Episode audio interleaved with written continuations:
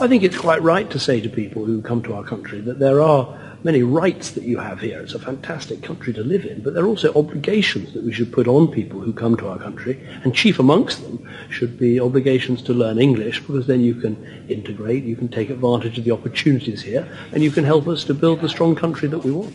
Well, what we've said is that if people come here on a spousal visa, to be a husband or a wife, uh, we've now said they have to learn English in order to get that visa, uh, but after two and a half years, halfway through the program of getting settlement, uh, they should be improving their English.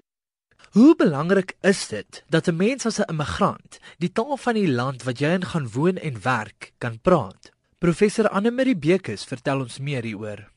Ek dink dit is baie belangrik dat 'n mens die taal aanleer want taal is 'n sleutel tot die lewe uh, in die omgewing waar jy jou bevind.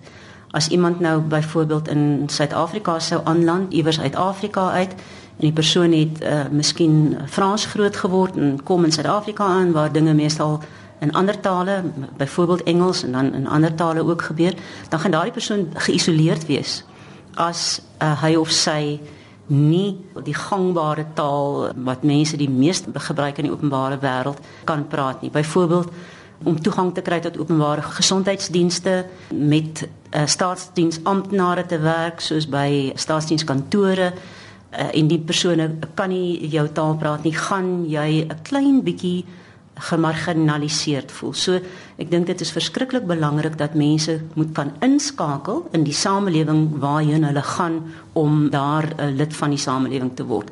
Taal is 'n sleutel. You can't have a country of opportunity if people, some people can't speak the language. Now, in many cases, it's no fault of their own. It's because they've been put into a situation where they've been encouraged not to integrate, not to go out, not to learn the language. And that's not good enough. That needs to change in our country, and these proposals will make sure it does. English is very important. Uh, help me with everyday life. So that's why I think it's neat to, uh, to me. When I go outside shopping, mm, every day, everything we need to English speak. It's freedom. Mm, you don't need your husband, don't need any person help. Gaan dit net oor die aanleer van 'n taal? Wat van ander aspekte van kultuur van die nuwe land?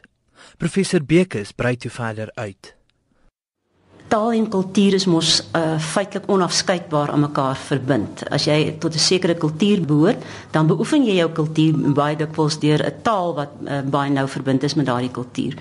So so 'n persoon wat in 'n nuwe omgewing funksioneer, kom tog met die hele kulturele mondering daaraan, met die taal waarin die persoon groot geword het, met die kultuur waarin die persoon gesosialiseer is.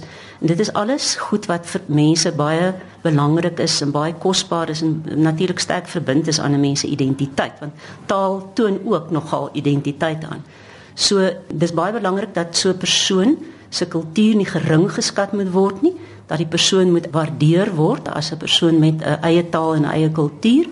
Maar dit lê dalk op die weg van die persoon wat in in 'n ander konteks aankom dat daardie persoon ook kennis maak met ander kulture en um, ons sê ons moet altyd daar's nie so ding soos 'n superieure kultuur nie. Alle kulture is ewe goed, maar kulture verskil. So 'n mens moet bewus wees van die verskille en so kan 'n mens wrywing of konflik of uh, die soort van ding vermy vir die nuwe aankomelinge in 'n bepaalde land.